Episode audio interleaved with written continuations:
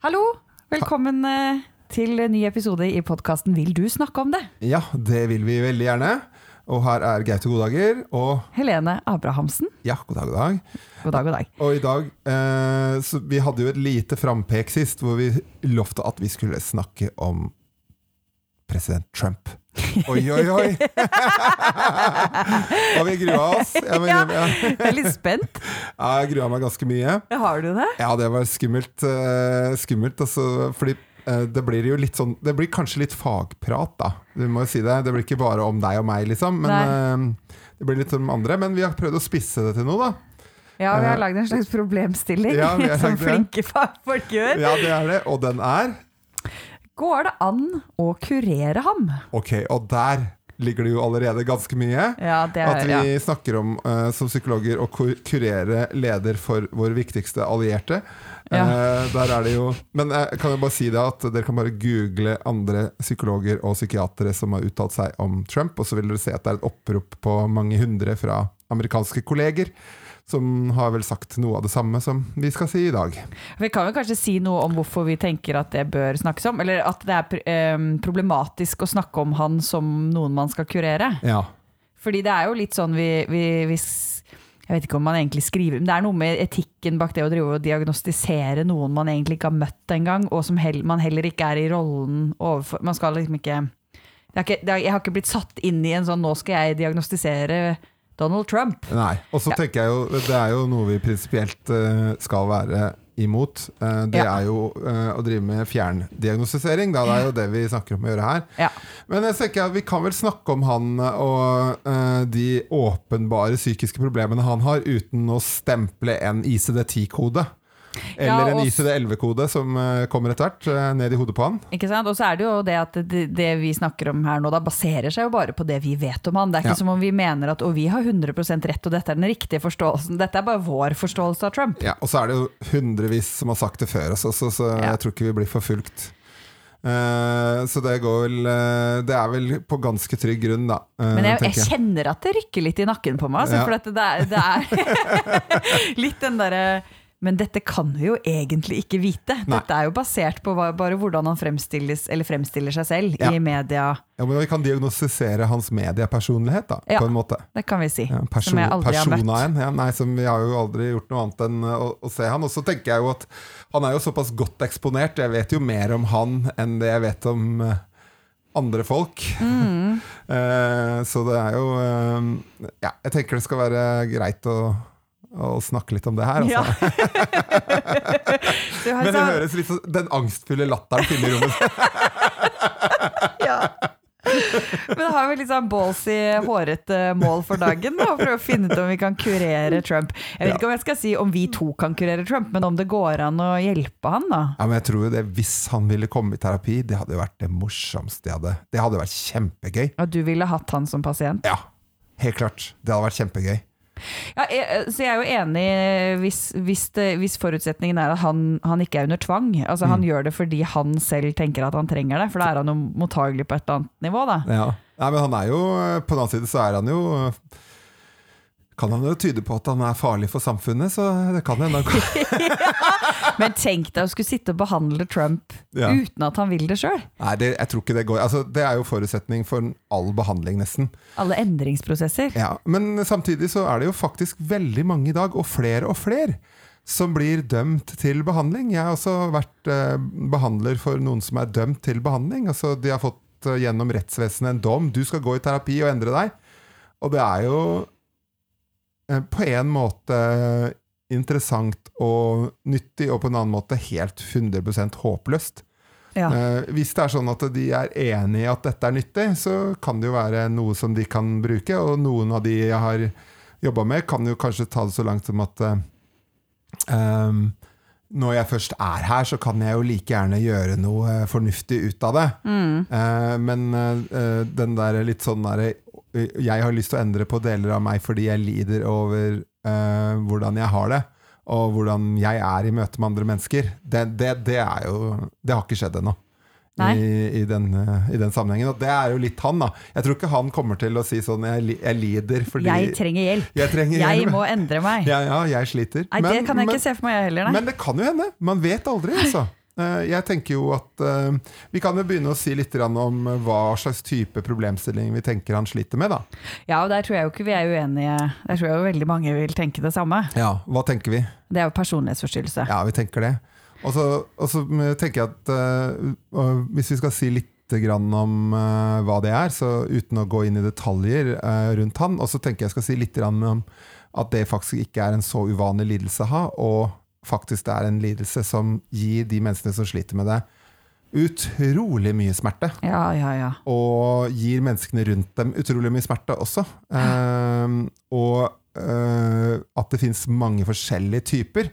Eh, og at den han sliter med, er vel en ganske sjelden En ganske sjelden type. Som vi I hvert fall ser i terapirommet er det I veldig terapirommet sjelden. er det veldig sjelden. Kanskje litt vanligere i eh, styrerommet.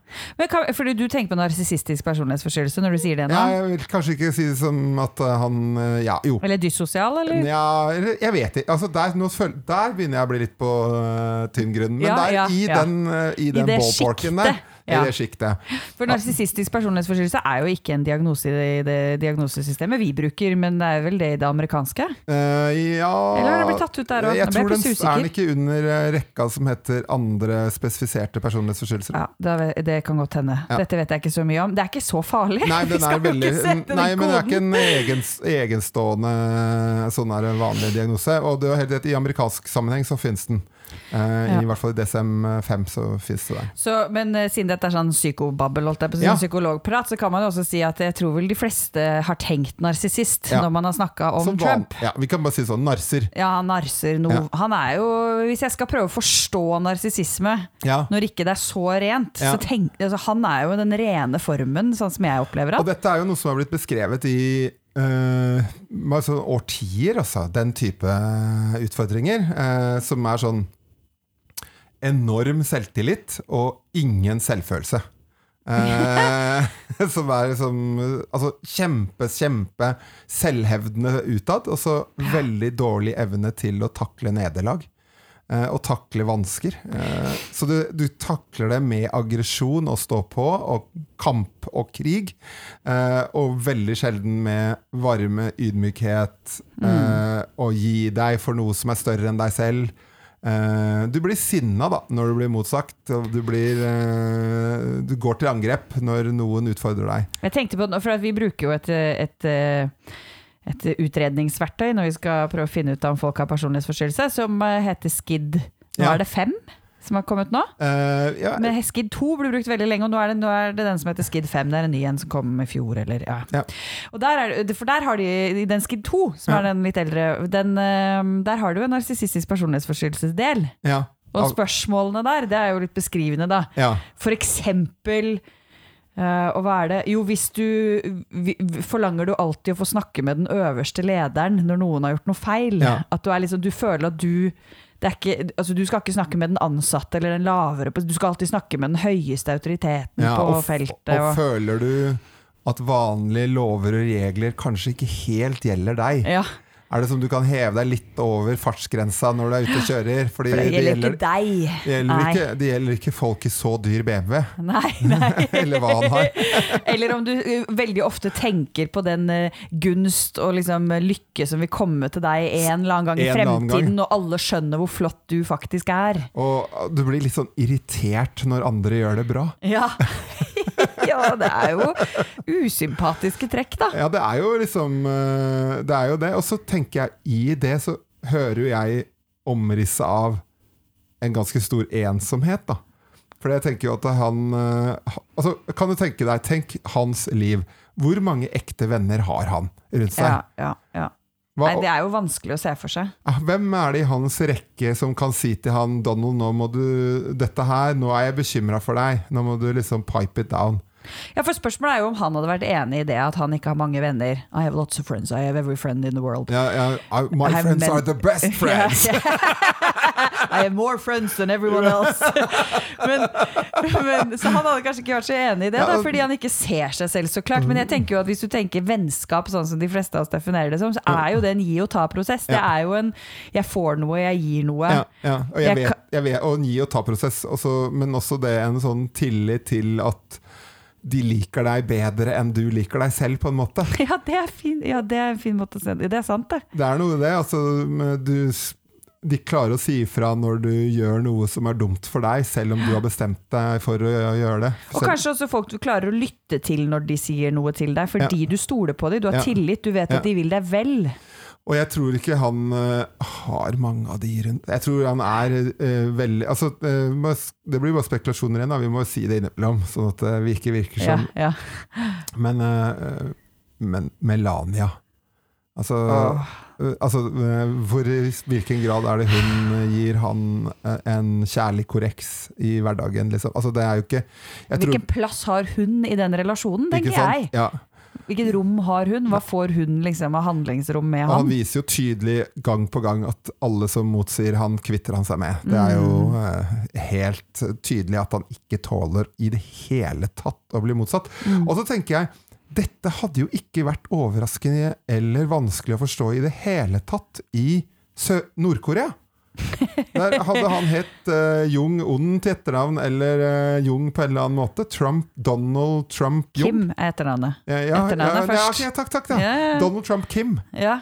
Uh, så hadde jo han Det hadde jo vært business as usual. Det hadde jo vært akkurat det vi tenkte. Det var jo en despot i et diktaturland. En diktator. Det er jo vært Det eneste som mangla, var at eh, når han, han spar, ikke sparka folk, men han eh, sendte dem på en eller annen eh, reise inn i jungelen, hvor de aldri kom tilbake fra.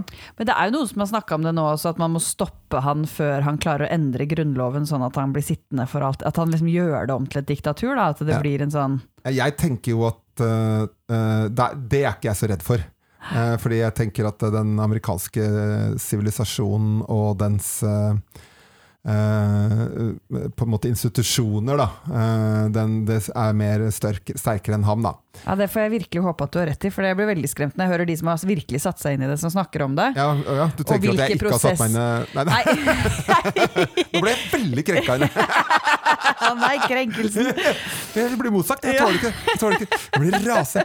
Men uh, ja. Nei, som, som virkelig som kommer med sånn Fordi, fordi det finnes visst masse usynlige prosesser her, og sånn og sånn, da. Men som noen Mm. Jo, jo. Altså, jeg, At det, at det finnes en eller annen sannsynlighet her, da, for at han skal klare å gjøre noen sånn, endringer. Der, sånn tillit til eh, noe, da. Det er, kanskje det er bare sånn for Og så tenker jeg det, det er kanskje noe av grunnen til at vi blir så opptatt av det. At uh, han, han er liksom leder for en Uh, en del av uh, vår en, en del som vi i utgangspunktet har stor kjærlighet for.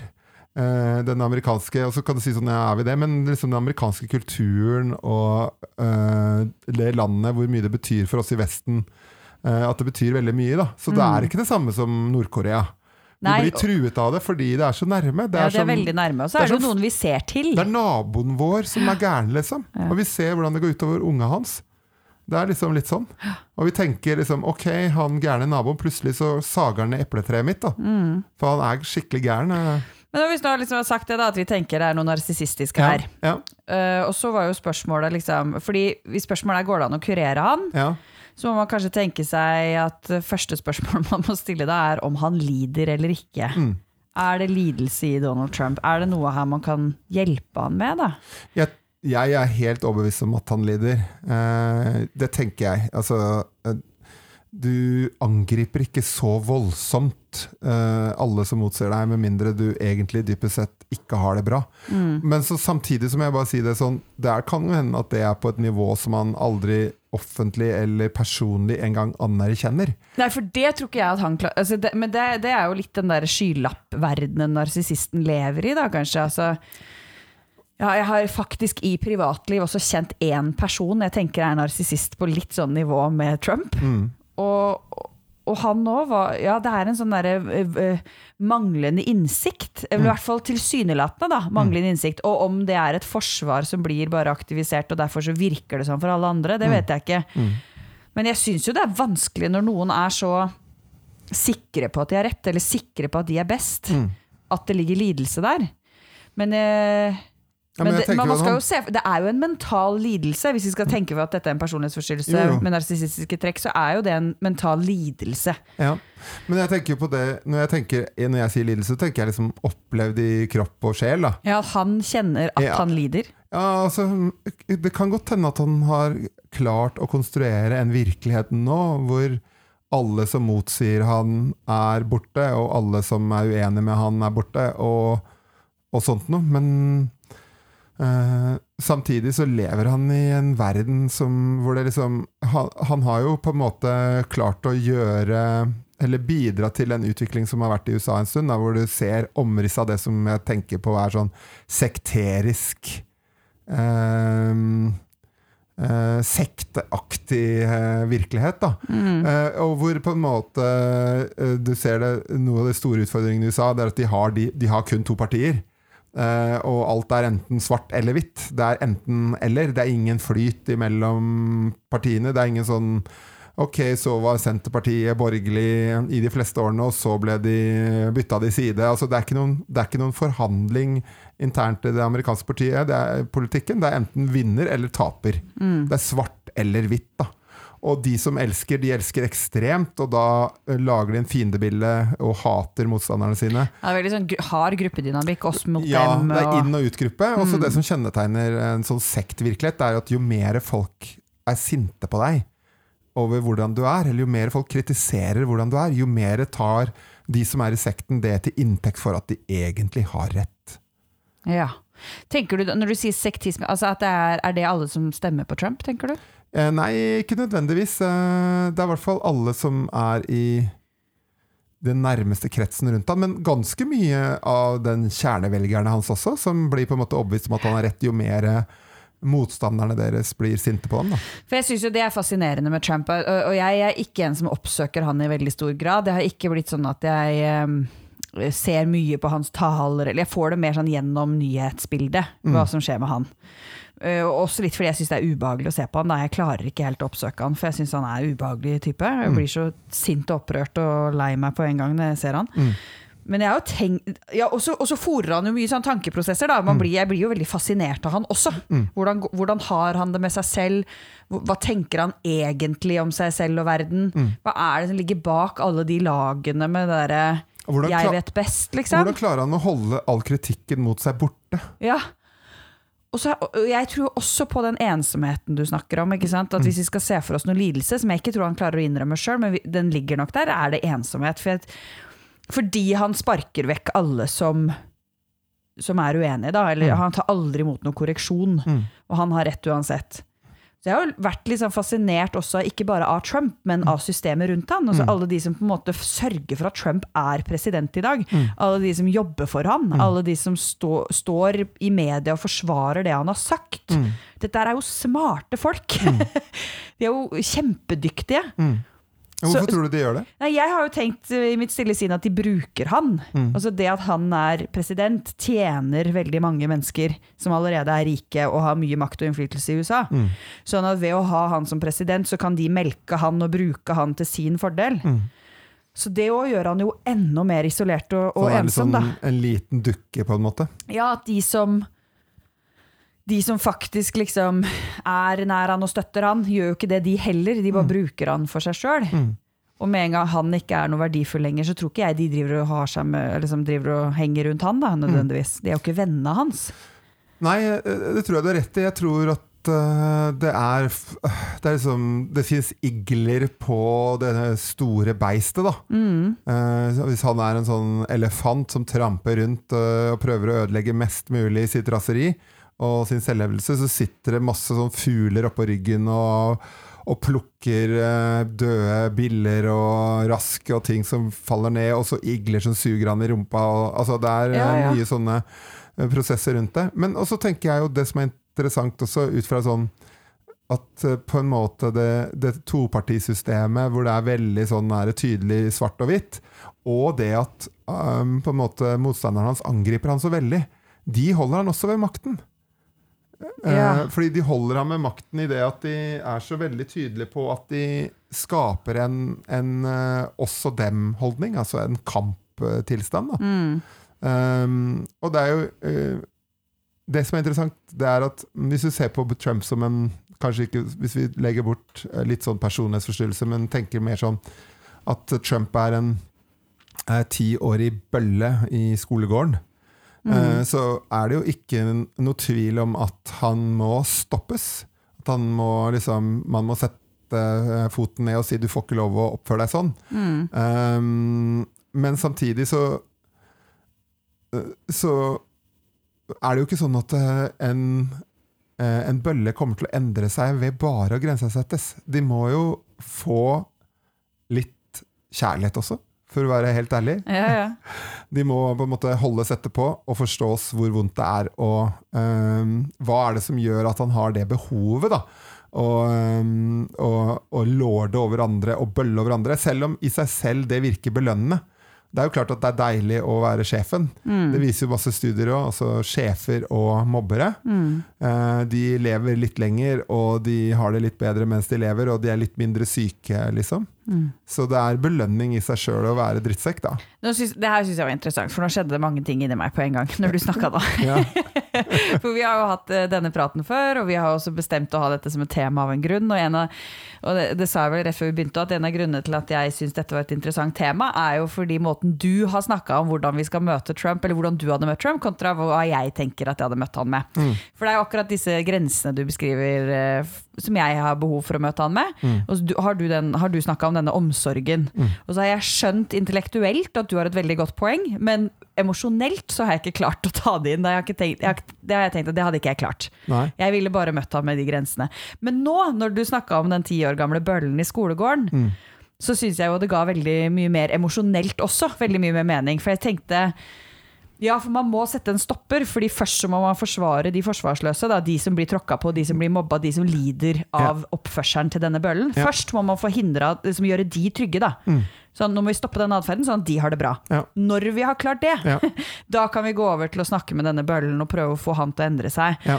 Og det er klart at hvis jeg ser en ti år gammel gutt som bruker den type strategier overfor andre mennesker, Mm. så er jo det fryktelig trist. Mm. Fordi det er jo noe som vil føre til ensomhet og utestengelse, og at han vil lide ganske mye. Og Fordi du skal få masse penger fra far din for å på en måte klare å gjøre noe ut av livet. Ja, for at du skal bli akseptert i en flokk, eller klare å bygge nære relasjoner. Få liksom de gode relasjonene som vi faktisk gror av og vokser av, og liksom gjør, gi livet vårt mening og rikdom. Ja.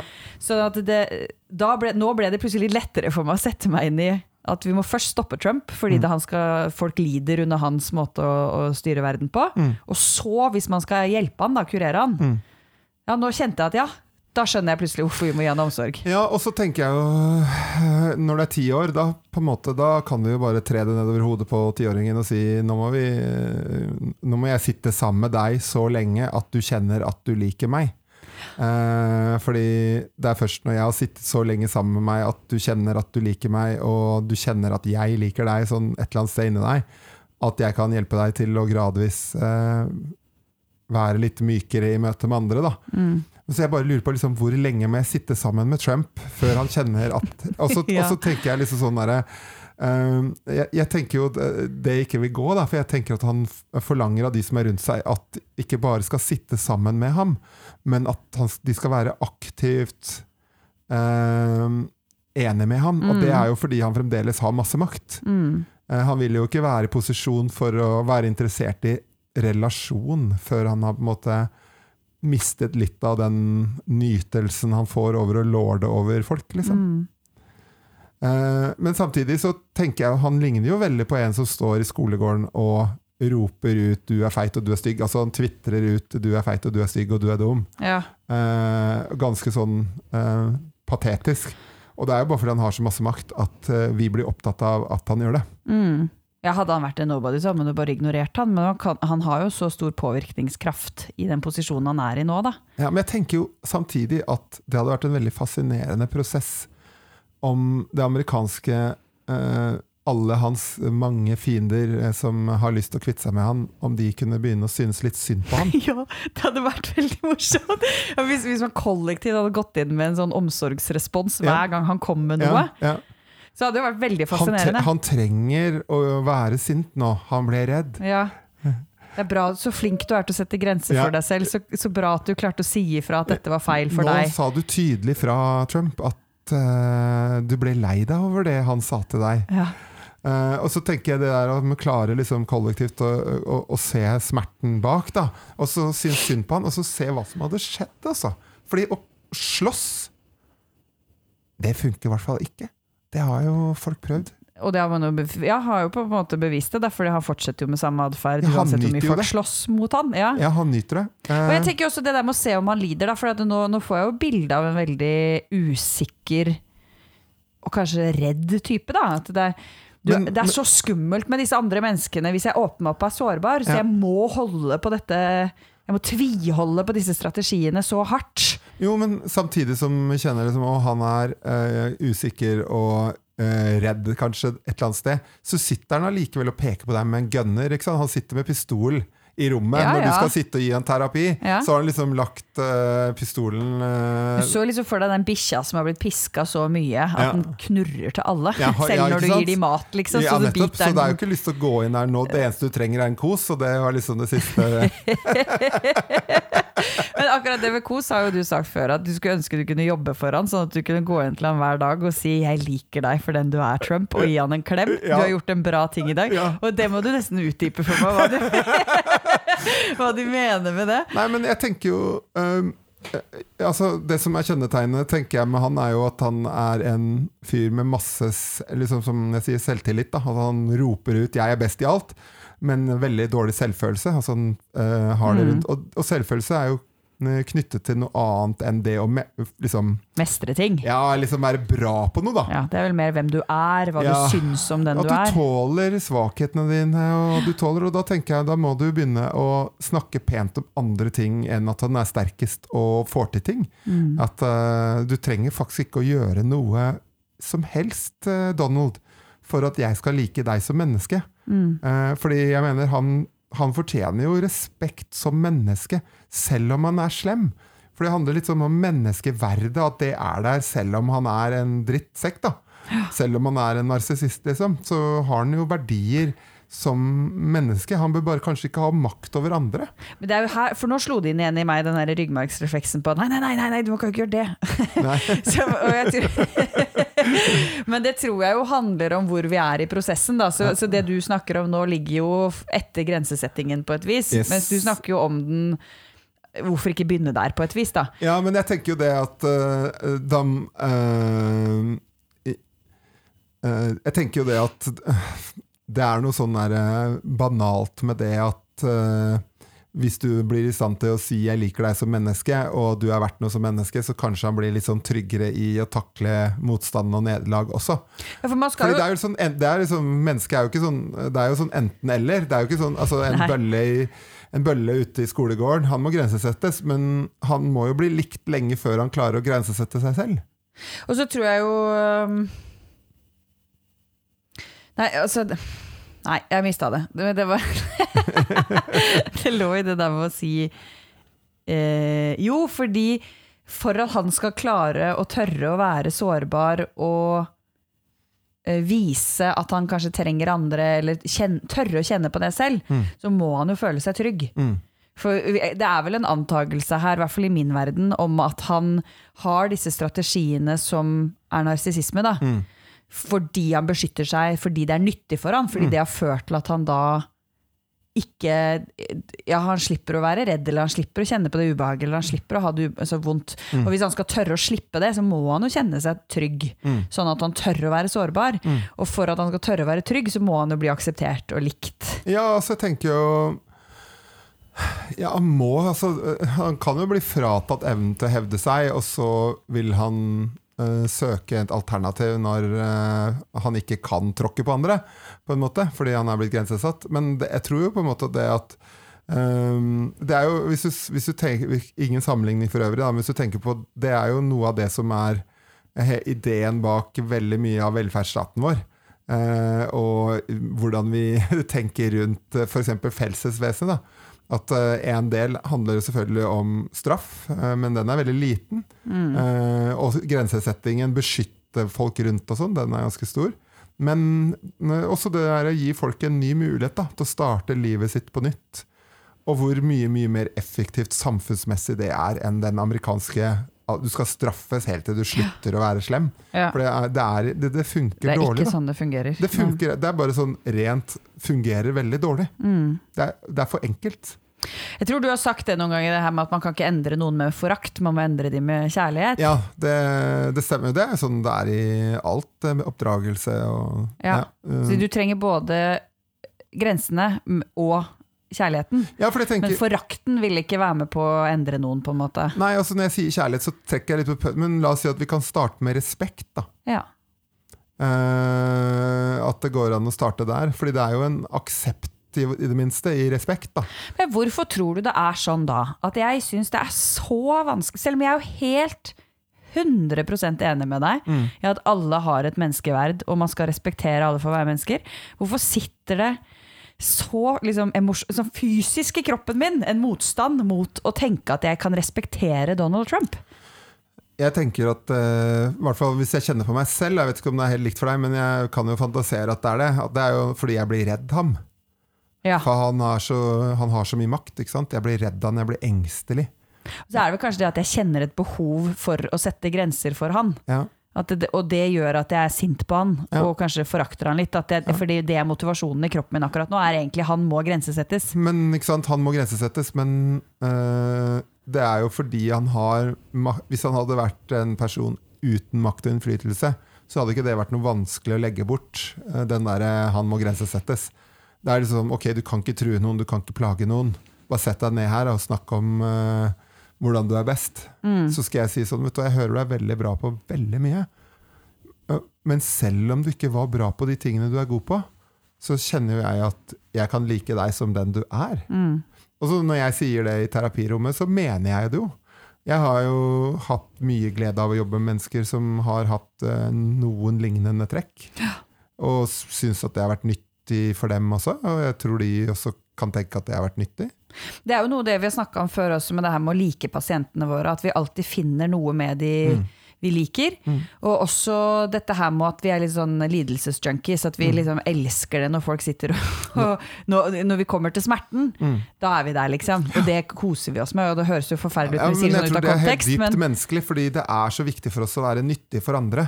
Altså Med en gang noen viser at de er sårbare og lider, så kjenner vi oss nyttige. For da kan vi tre inn og gjøre noe bra. Og så er det også når vi ser folk lider, så er det også mye lettere å kjenne på omsorgen for dem. Absolutt. For da er det jo Det, det trigger jo mitt omsorgssystem når noen gråter eller Ja. har, viser at de skammer seg eller har det vondt. Da har jo jeg lyst til å ta vare på dem. Det er jo bare rent biologisk, og det er jo det som trigges i meg. Men jeg tenker jo at det er også noe som gjør det vanskelig med Trump, da, fordi han ikke viser dette. Han viser ikke lidelsen, han viser ikke omsorg Eller det der, han vekker ikke noe omsorgsbehov i meg, da. Nei, han mobber. Ja. Han eh, er veldig tydelig på at eh, hver eneste gang han ser svakhet i verden rundt seg, så har han lyst til å mobbe dem. Og med en gang han ser noe han kan ødelegge, så har han lyst til å ødelegge det. Og det er jo mot det jeg nettopp sa om at når vi ser sårbare mennesker, så vekkes omsorgssystemet. Han, på, på han så vekkes det da en sånn behov for å tråkke på det, eller Ja, hva? ja, men han er han tiåringen som løper nedover stranda eh, og tramper på alle de fine sandslottene som han kan se på veien, og som Og han dreper løper alle krabbene på veien. Eh, Og liksom. sparker alle krabbene uti og kaster seg han, han gjør det han kan for å kjenne seg stor. det, og så er det jo da øh, Så hvordan skal vi hjelpe han hvis vi skal Vi må kunne kjenne omsorg for han. Jeg syns det er fryktelig vanskelig, du har litt lettere for det. Ja. Vi må, vi må kunne uh, se lidelsen her, sånn at vi kan hjelpe han med det. Jeg tenker jo at det, i hvert fall For min del så må jeg ikke være redd han først. Det er det første. ja, for det er kanskje det. Jeg er nok litt redd for Trump, ja. jeg, det er vanskelig for han eh, Han er jo bevæpna til tenna når han kommer inn i terapirommet, da, for å si det, Ja, hvis vi ja, bruker den. ja. Men jeg tenker jo, det, det er jo nyttig sånn da, vi, da du var min veileder um, for Det slo meg nå at ikke vi egentlig sa hvem vi er sånn ordentlig i starten av episoden, så hvis folk bare tuna inn på denne her, så er det kanskje litt merkelig. Ja. Men vi er jo da to psykologer, og du er min tidligere veileder. Ja. Og at du um, snakka om det her med For jeg tror jeg fordi vi møter jo vanskelige pasienter i gåseøyne. Mm. Da mener jeg folk som har strategier som kan gjøre det litt vanskeligere å komme nær de, eller innpå de, eller se lidelsen. da. Mm.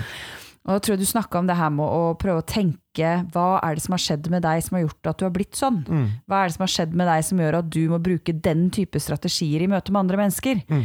Og det syns jeg jo var, gjorde det veldig mye lettere for meg å liksom åpne hjertet for de som også har fryktelig usjarmerende, usympatiske strategier. Mm.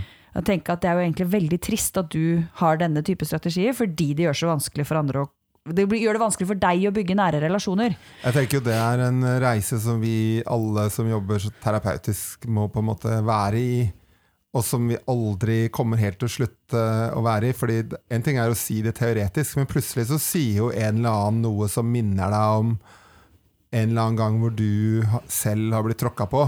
Og blitt lurt, eh, eller blitt uh, utnytta, eller blitt uh, såra, eller krenka, eller eh, et Eller de sier noe krenkende. ja, eller ja, som har vært noen som har vært slem med deg. Så, Ja. så plutselig så mister du det perspektivet, og så blir du deg selv. da og det, Vi må gå inn og ut av det. Det tror jeg ikke det er noe som du blir helt perfekt på. Sånn, å ja, nå får jeg til det, nå ser jeg all, i lidelsen bak. Ja, Så enkelt veldig- er det ikke. Men det er jo fint du sier det, for det er mye vennlighet i det. Både altså, overfor eh, andre og for seg selv. At man kan sitte når man sitter og, og får forakt overfor en pasient, eller andre mennesker i verden generelt. Da. Mm.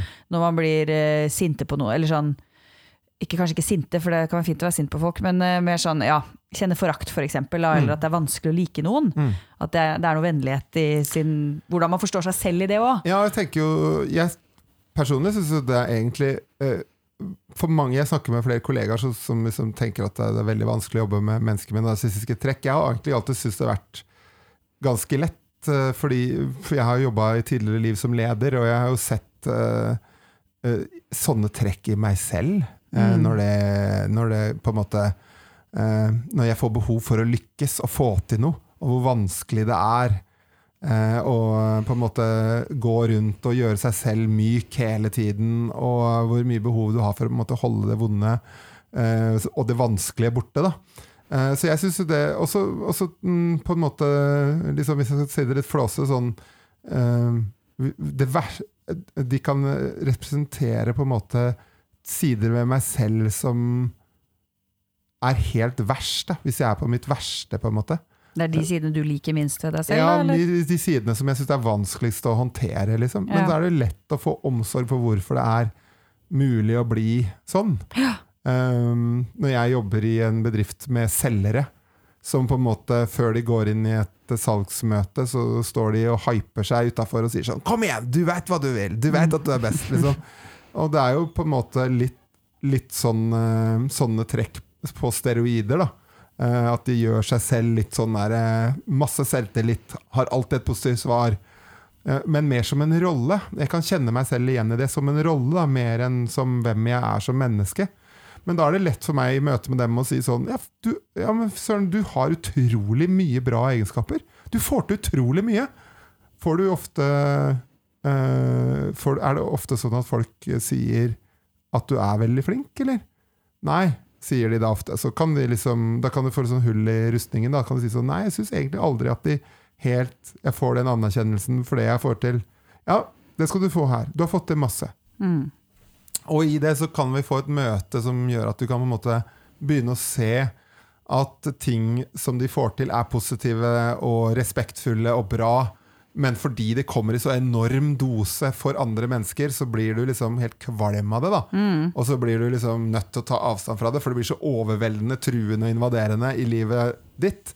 Eh, og den, eh, nettopp det der at det går an å kjenne igjen det, og på en måte anerkjenne det positive med det, for det er jo positive ting var bra selvtillit òg. Ja, ja, og selvhevdelse kan være kjempebra. Kan være nyttig i mange sammenhenger. da. Du sier, det er på overdose. Ja, det er på do doseringen. Ja, ja. Også når det skjer, og det at aldri er noe annet. da. Ja, for det er jo litt det. Hvis ikke du klarer å vise nyanser i, det, i den du er, så er det jo mye vanskeligere å, å like deg. Og, Eh, jeg tenker, fordi Hvis du skulle gjort det med Trump, da, hva er det som har skjedd med han som Mm. gjør at han i dag har den type strategier? Vet det, Jeg vet ikke så mye om han, men eh, det jeg vet er jo at han eh, Selv om jeg har fått en bok en sånn, eh, jeg burde lest før vi hadde dette. Jeg fikk en bok til jul for et par år siden om han, men jeg har, jeg har ikke orka å lese. Men, men at han hadde en far som var veldig krevende, og som definerte familien, da. Mm. Med veldig sånn der klassisk pater familias. Ja, for hva, fordi eh, eh, Jeg vet veldig lite om Trump. Har, Ja. han, han har arva pengene sine, sånn jeg har skjønt. Han er en eh, sånn industrimagnat, investorfar. Så har far bygd opp denne formuen, eller har han også arva? Eh, det er jeg usikker på, men eh, det, det vet sikkert eh, en av våre 150 lyttere. Google vet sikkert. Google vet det. altså, det. Men det som er hele greia, da, det er jo at eh, det sikkert var et tema der hjemme om det å være rik, det å være mektig, det å lykkes, som var sånn veldig tydelig på det. Ja. Ja, det var veldig lite sånn Uansett hva du gjør, Donald, så er du bra nok for meg. Det er sånn Du skal lykkes, du er best. Ikke sant? At det ble sånn skrall tønne som rumla der hjemme. Jeg synes jo Det du sier der, er jo også et sånne trekk ved det amerikanske samfunnet jeg synes er sånn vanskelig å svelge. Som er den derre selvhevdelsen og troen på individet. Eh, Den individuelle reisen fra liksom ingenting til masse, men også at det er opp til deg sjøl hva du gjør. Det er ikke fellesskapet, det er individet og sånn. Som, man, som også sikkert forsterkes da når du vokser opp i det samfunnet. Og si at han har bygd denne eh, formuen, si han ikke har det, men uansett hvilke trekk fins ved et menneske for at de skal klare seg i den verdenen med en sånn bedrift og bli så rike? Hva, hvilke trekk ved deg som menneske er det du trenger da? Hva er det du jobber for? Og det er jo kanskje ikke de humanistiske verdiene, da, hvis vi skal tenke på det sånn. Nei. Den varmen og omsorgen, fellesskapet, eh, bygge opp følelser og selvverd i de, de rundt deg. Ja, og så er det jo faktisk at det vi elsker mest ved andre mennesker, er jo deres sårbarhet. Og han gjør alt han kan for å aldri være sårbar. Han må jo bli elska lite. Eh, Ja, man kan se det for seg. Ja, og så jeg tenker også det at det er ikke sikkert han liksom, Se på utdanningen, livet hans, hvordan han gradvis har blitt mer og mer en sånn uh, En sånn endimensjonal person, da. Eh, med at han har eh, holdt på med dette her, og så har han på en måte Det å være drittsekkbølle har vært noe som han har gjort til personligheten sin. Han har jo liksom sittet og lagd seg reality-TV hvor det eneste han skal gjøre, er å være drittsekk, liksom. Så han har jo ut gradvis blitt mer og mer endimensjonal, tenker jeg. Mer Det er og mer han har blitt hylla for òg. Ja, og han blir beundret, men han blir ikke elsket. Nei, det er det. Altså, folk sier så Han blir fryktet og beundret. Ja. Ja. Ja, han blir fryktet og beundret og blir heia på, men han blir ikke elsket. For det er mangl manglende sårbarhet, manglende Mm, mykhet. Så da forsterkes jo hele tiden den, eh, den atferden, da. Ja. Jeg må mestre ting, jeg må få til ting, jeg må være penger, jeg må være flink. Jeg må Og så er det jo, jeg syns jo det er fascinerende med Trump, da, for at han virker jo som et nek. Han virker jo så dum innimellom. For at det er sånn Hvis jeg bare sier det hardt nok, så er det sånn. Ja, og Hvis jeg bare sier nei, den rapporten er feil, det er sånn som jeg sier. Og så er jeg liksom Jeg ser den samme atferden som det du gjør. Og så tenker jeg vi må begynne Vi må forte oss å si jeg ser, jeg ser jo hvordan han er. Han er jo veldig stakkarslig. Det er jo veldig synd på han. Jo, ja, jo- jeg er enig. vi- vi må- ikke begynn med det nå. Nå jeg- du hadde et poeng. Ja, det var, Ok, ja, fortsett. Ja, jeg er helt enig. Helt enig. Eh, Så det er behandlingen, på en måte. Ja, det er det, men det er også eh, begrensningen av ham. Altså hvordan man stopper ham, er Ja, ikke, sånn, ja. ikke ved å Ikke å ned si på hvor dum du er. Nei, nei, nei. nei men, uh, så ikke la oss si dette til han, men la oss si det her og nå mellom Ja, oss. ja, ja, ja. At jeg syns jo det er fascinerende. Denne. Og så har jeg også tenkt på at uh, egentlig så er det vi ser i Trump, er jo noe vi, er, vi ser i samfunnet generelt, men så er det så forsterka i han, så det blir så tydelig for oss. Og det er jo trekk som faktisk fungerer. Det Ja. med å ha mye selvtillit når du kommer med en påstand. Det å tro veldig hardt på noe, eller bare si det veldig sånn Ja, men det er sånn det er. Ja. Eh, dette vet jeg. Så gjør jo at andre tviler på deres standpunkt. Ja. Så det er jo den, hvis vi skal trekke stereotypien eh, langt, da, så kan vi si den hvite, høye, sterke mannen i møterommet som bare mener at han har rett, vil bli lytta til. Mer enn den nyanserte som, sier, som er mer usikker og kanskje sier det kan være sånn, det kan være sånn. Ja, en sånn der kjedelig Stoltenberg-politiker, som eh, Ja. eller en mellompartipolitiker, som ser ting fra alle sider, eh, alle vinkler, liksom. Og så kan man trekke det over til sånn mann-kvinne, at det er de kvinnelige verdiene versus de mannlige verdiene. Så uavhengig om du er mann eller kvinne når du bruker det. Ja, Det var jo litt trumpisk uttalelse der, da. ja, men jeg skjønner hva du mener. Ja, Eh, du har sånn, den kvinnelige verdi, mm. så, og, og det er jo et sånn Ja. kvinne, i gåsehøyne kvinneproblem, eller sånn atferd vi har bygd oss opp som er den unnskyldende. Det kan hende at dette spørsmålet ikke er så nyttig, eller det kan hende at det er litt dumt, men Mm. dere får bare ta det. Og vi blir jo heller ikke da lytta til, fordi vi ikke har den bastantheten til mannen, eller da Men du blir ikke lytta til av menn, kanskje. Ja, Men, kan eh, men jeg tror hvis du prøver å være bastant uh, i en kvinnegruppe, så blir du ofte høvla ned, eller da blir du motarbeida i det stille. Ja, For det er ikke sånn det skal være? Nei, må være det mer er nyansert og sosialt? Det er nyttigere for eh, Det er ikke nyttig å være så selvsikker og brautende dame i kvinnesammenhengen ofte. Ja, for det er også litt sosial kompetanse, ikke sant? at Ja. du bygger relasjonen parallelt. Det er Nettopp. ikke bare om å gjøre, hva jeg har rett. Nei, du er viser sårbarhet, Ja. og du blir likt og elsket og inkludert Ja, fordi du er sårbar. Du er en, ikke, en, ikke en som valser over deg. Ja. Og sier kan- liksom ikke 'du tar feil', men sier 'det kan jo hende at det er sånn her i stedet for', så kan de være med på å finne ut av det. Ja. Så er vi fortsatt venner etterpå. Ja, ja, ja. Uh, og der tenker jeg at Trump er jo bare ekstremversjonen av de maskuline verdiene der. Ja, og så tenker jeg Det er interessant å se, fordi jeg har jo vært på uh, Tidligere, før jeg ble psykolog, så jobbet jeg jo som leder og lagde dataspill. Mm -hmm. uh, Funcom. Funcom, ja. Og da var jeg jo særlig i forbindelse med Age of Conan-tida, så var jeg i USA mye. Mhm. Og, um, og solgte. Rett og slett drev med personlig salg da, vis, og viste fram spill og sånn. Og da, visste, og da, det som var interessant da, da møtte jeg mange journalister og eh, fans og masse amerikanere. Det var masse amerikanere som hørte på da. Og da la jeg merke til at de elska å bli skrøna til. Og det er bra ord. For jeg kunne sagt 'bli elska, bli løyet for'. eh, fordi det er liksom en, en sånn avskygning av Men vi har det norske ordet skrøne. Da, skrøne, da er det sånn jeg overdriver. Jeg sier fisken var to meter lang og veide et tonn. Ja. Og du vet at jeg ljuger, og du liker det litt. Ja, ja. de har en sånn Historien blir bedre av det, ja, det blir bedre. måte. Ah, ja, ikke si sann, ikke ødelegg en bra historie med sannheten. Og. Dra til.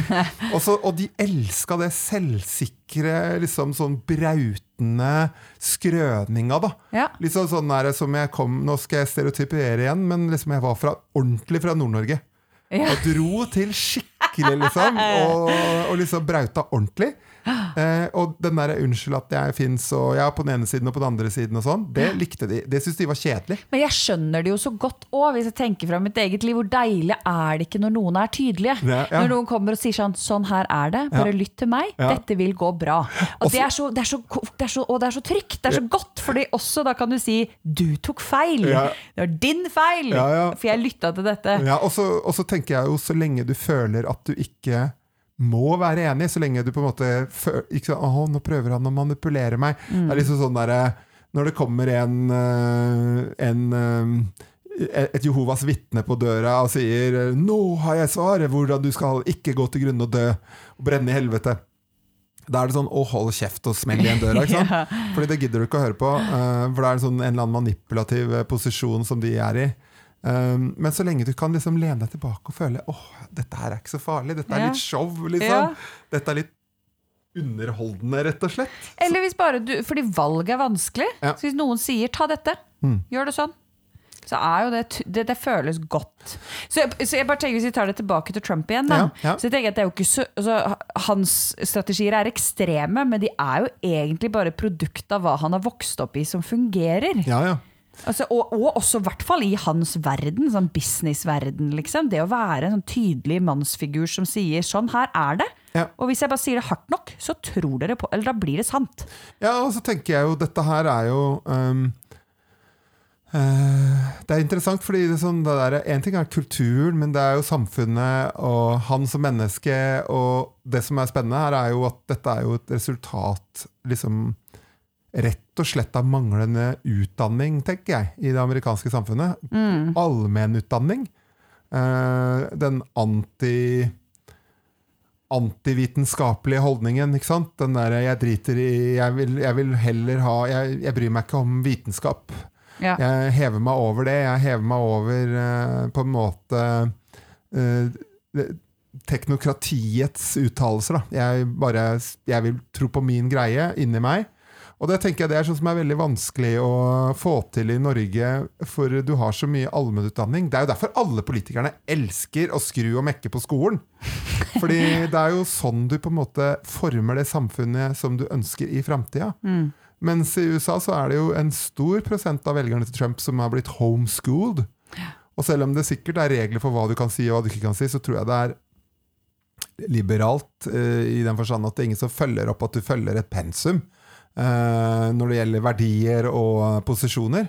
Så det er en sånn grunnutdanning, eh, en tiltro til samfunnet som er veldig liten, og en forståelse for hvordan samfunnet virker som er mye mindre eh, blant folk flest da, enn Jeg- i Norge. Jeg ble også veldig Litt sånn u-landaktig, på en måte. ja. Uff, det, det. jeg tenkte på eh, Da han ble valgt, så var jo også mitt Jeg, da, jeg forsvarte jo Altså Den kognitive dissonansen som oppstod, det Mm. ubehaget som oppstod når han ble valgt som en sånn Hæ, hvordan kan noen velge han? Han er jo så dum. Så, så var det jo det å fordumme alle velgerne òg. Og si at ja, dette her er jo nekene på bygda som ikke vet bedre. Og så viste det seg at det var veldig mange høyt utdanna kvinner, for eksempel, som hadde stemt på han. Mm. Ja, og det blir jeg jo veldig kvinner- krenka. Ja, og du som høyt utdannet Ja. kvinne, hvorfor stemmer dere på han? Ikke sant? Det skjønner jeg jo ikke! Nei. Jeg kan ikke svare på det. Nei. Men, er det jo, men så er det jo litt det, da, at som du sier, at han er ikke bare et produkt av seg selv. Han er jo et produkt av samfunnet, av tiden han lever i, Mm. av timingen, av hvem han sto opp mot, av hva som skjedde på Facebook i de, den perioden under valgene. Altså, det er så mange ting her som ikke handler om Trump heller, Mm. som gjør at han fikk alle disse stemmene. At det på en måte Heldig eller uheldig, kan man jo drøfte om man syns han er heldig eller uheldig. Mm. Så har han på en måte bare truffet en, en samfunnsstreng, da Mm. som har gjort at han har blitt valgt. Og jeg tror jo også at vi gjør oss selv en bjørnetjeneste hvis vi fordummer alle som stemmer på Trump. Ja da. og- Eller fordømmer, fordummer Trump. Ja. Nei, jeg tenker jo det at uh, liksom helt uavhengig om det går an å kurere ham eller ikke så, uh, altså, Det er helt klart at han viser trekk som trenger hjelp, for å si det sånn. Men uh, hvis du tenker at det eneste han ville gjøre med livet som president, var å holde seg selv ved makta, da. Altså, det var det som, og det tror jeg liksom Hvis du ser på hele den der som han ble anklaget i riksrett for, eh, det der med at han prøvde å eh, få sin eh, kanskje mulige motstander i presidentvalget eh, etterforsket i Ukraina, og så, eh, så driver du og så klemmer en alliert som er i krig med Russland, da. Eh, for penger som de skal bruke til å forsvare seg mot eh, russiske styrker. Eh, så driver du og klemmer dem fordi du skal ha en etterforsker. Så virker det sånn Ok, jeg driter egentlig i det storpolitiske. Det eneste jeg er opptatt av, er å holde meg med vakta. Men samtidig så virker det som han, han gjør jo virkelig det han kan for å ødelegge framgang og stabilitet i verden. Eh, fredsplanen hans i Midtøsten og motarbeidingen av Iran. Altså det, det, virker bare eh, Eller eh, atomavtalen med Iran, da, de starter opp igjen med ato, utvikle atomvåpen. Det virker bare helt sånn Hvordan i all verden gjør det at du blir gjenvalgt? Hvordan gjør dette at du blir gjenvalgt? Men det kan hende det er liksom det de vil. At vi skal liksom bare de, Han blir gjenvalgt når han viser at han plager og gjør verden mindre trygg, liksom. Det er jo der jeg blir litt sånn konspiratorisk. da Ikke sånn at jeg tenker den store, brede konspirasjonsteorien, men mer det der at internt foregår eh, lobbyvirksomhet som skal gavne rike bedrifter og sånn. Og det, det gavner ikke landa, det gavner ikke de store strukturene i verden. men Det Nei. gavner folk med mye penger et eller annet sted. At de tjener på det, og det er derfor han gjør som han gjør. Jeg har en veldig sånn mistanke om det. At mye av Trumps strategier Ja. kommer av alle de rundt han, som pusher han til å gjøre ting som gavner dem. At det skal bli økonomisk framgang for dem, på en måte. Ja, At de på en eller annen måte tjener på det. En eller annen bedrift som tjener på det. Det er jo min store mistanke og møkkete tanke om Det dette. godt. Jeg tenker fort at det er sånn at uh, uh, sterke ledere uh, holder seg ved makten når det er en ustabil verden. Ja. Og at du, han kanskje liksom tenker jeg gjør verden mer ustabil, og da er det større sannsynlighet for det å blir gjenvalgt. Sånn, ja, det kan jo, da er det jo veldig utspekulert. Ja, Eller nei, det, er, det er jo ikke så veldig vanskelig å se historisk at det skjer, og jeg tenker jo at øhm, du kan jo se, Det er jo trekk i den norske politikken nå. Bare legg merke til hvem som er ute og snakker om sikkerhetspolitikk. Vi, altså det er jo de som tenker at de, liksom, de som er ute og sier sånn Ja. der, nå, nå må alle passe på å ha ni liter vann. Ja, ja. Eh, Alle må ha ni liter vann hjemme, fordi i tilfelle det blir en atomkrig, så må du ha vann i eh, lager opp, ikke sant? Altså, Frykt er jo en veldig sterk motivator for Veldig sterk også til å stemme frykt. på sterke folk, da. Ja. USA har jo brukt en mye, Hvis du ser på mediene i USA, hvordan de, de lager sånne frykthistorier rundt ting man egentlig ikke trenger å være redd for. Nettopp. Så, så ja, det er jo mye politikk i det. Jeg tenker jo at det er eh, en del av det, i hvert fall. Du, jeg ble også sittende og tenke En ting er eh, kan man kurere Trump, men det også ble sånn Skal man kurere Eller hvorfor skulle man kurert Trump? Mm. For det ene er jo sånn altså Hvis vi hadde klart å se bølla i tiende- ti år gamle bølla i, i skolegården, at Trump er han Mm. Hvis vi klarer å grensesette sånn at ingen lider av han lenger, Mm. hvorfor skal vi da hjelpe Trump til å bli et bedre menneske? Jeg tenker jo eh, er jo eh, ganske sannsynlig eh, innlysende. Altså at det vil på sikt eh, gagne samfunnet og de han bøller over, og, og på en måte jazze med og tråkke på. Hvis han kunne fått litt mer eh, evne til å eh, holde igjen, da. eh, og ikke ødelegge for verden rundt seg, så ville verden bli et bedre sted, på en måte. Så da handler det jo litt om de rundt, da. Men øh, skulle vi gjort det for Trumps sin skyld? Ja, det tenker jeg også. Det snakka vi litt om i stad, det der med at han, han Gitt at han lider, da, gitt at han kommer og ber om behandling fordi han ikke har det bra, så tenker jeg jo at han trenger hjelp. Og at mye av hans eh, despotiske atferd kommer nettopp av at han er ensom. At, han ikke har, eh, at han ikke gjør seg sårbar noensinne. At han alltid er eh, en bølle. Jeg kjenner jo også på en sånn derre Det hadde vært veldig tilfredsstillende for meg som person. Du tenker terapi som straff? Nei, nei. nei. Men hvis Trump hadde fått hjelp, da, hvis vi ser for oss at det hadde gjort han til en mer dynamisk person, Ja. som hadde klart å, å, å være sårbar, ta imot tilbakemeldinger, fungere norm mer normalt, eller tilnærma, eller ja, innenfor en eller annen sånn ja, ikke være så rigid da, i sin forståelse av verden og seg selv, så, så hadde det vært litt godt, for det hadde også betydd at han kanskje hadde skjønt at han tok feil før.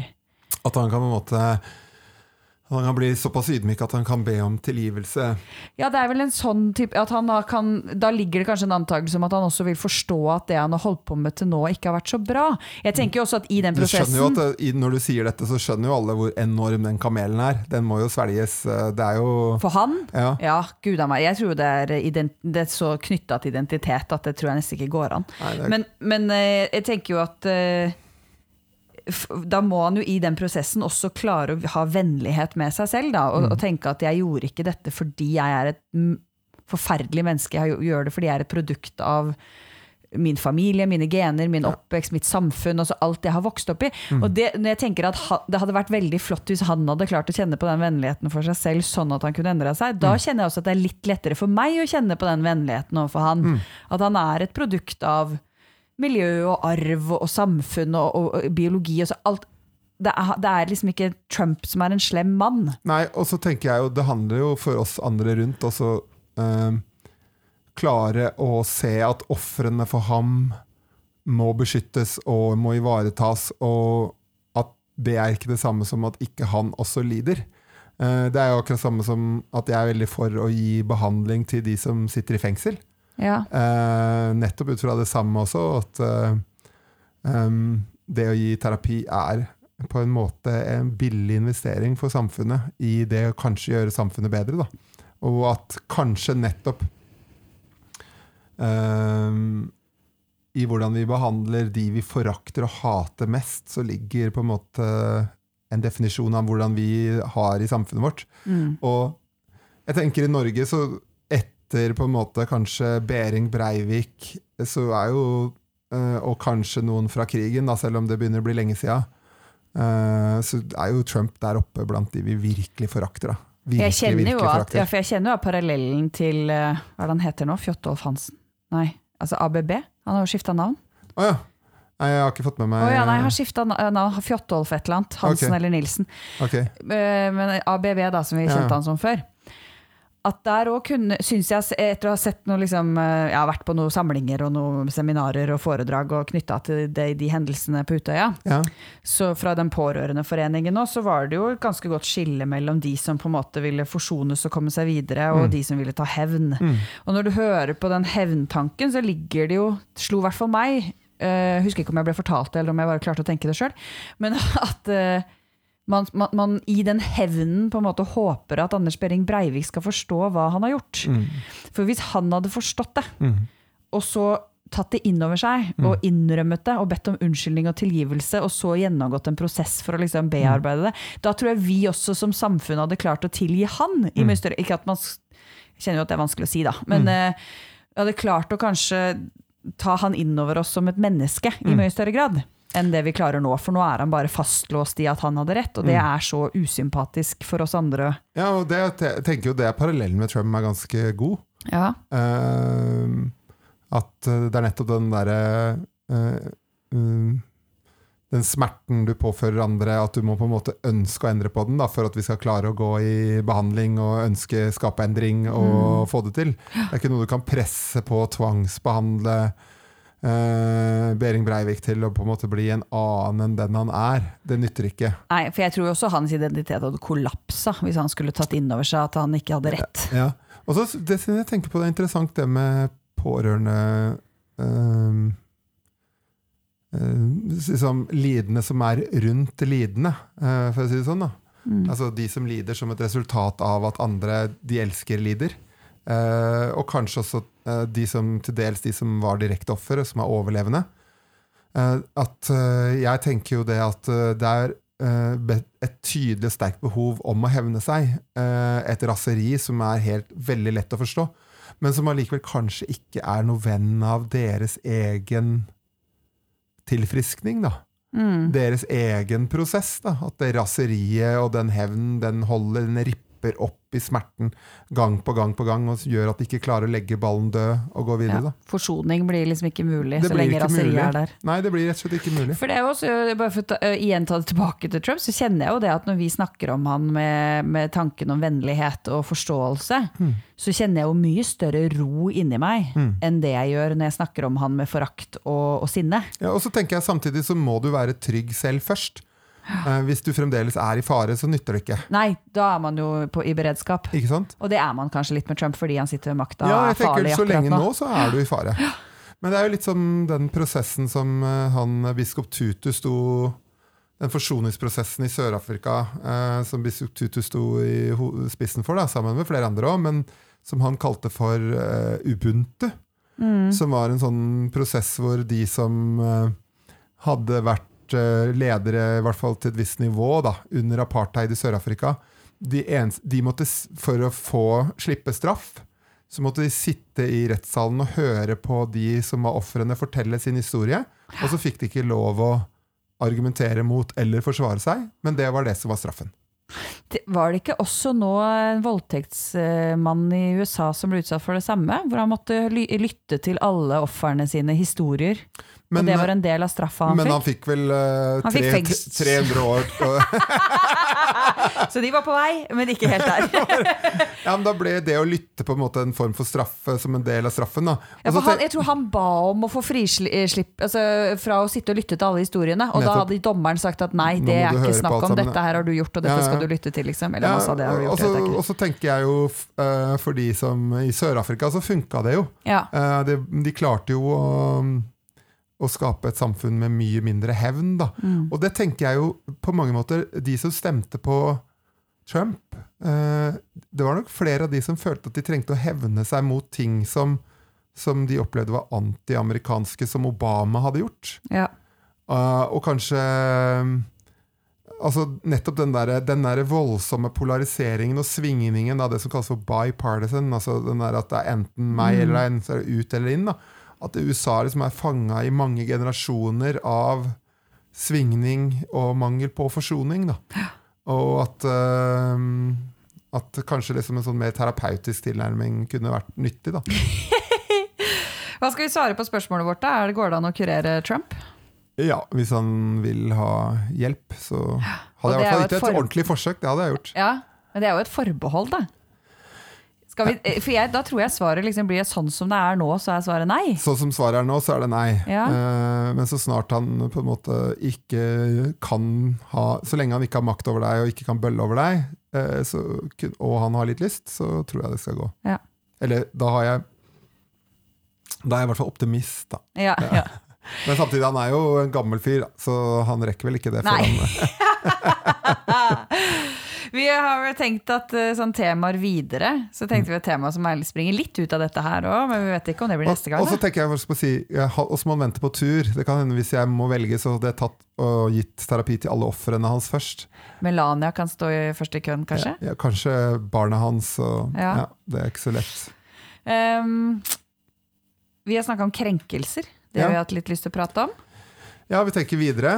Ja, skrev jeg ikke opp de der i stad? Vi sa en ting til, men jeg husker ikke hva det var. Nei. Men eh, vi tar gjerne imot forslag òg, hvis folk eh, har meninger der ute. Absolutt, hvis det er noen som syns eh, at de vil ha vår babbel. Ja, Om et eller annet. Ja. Jeg tror det er det for i dag, jeg.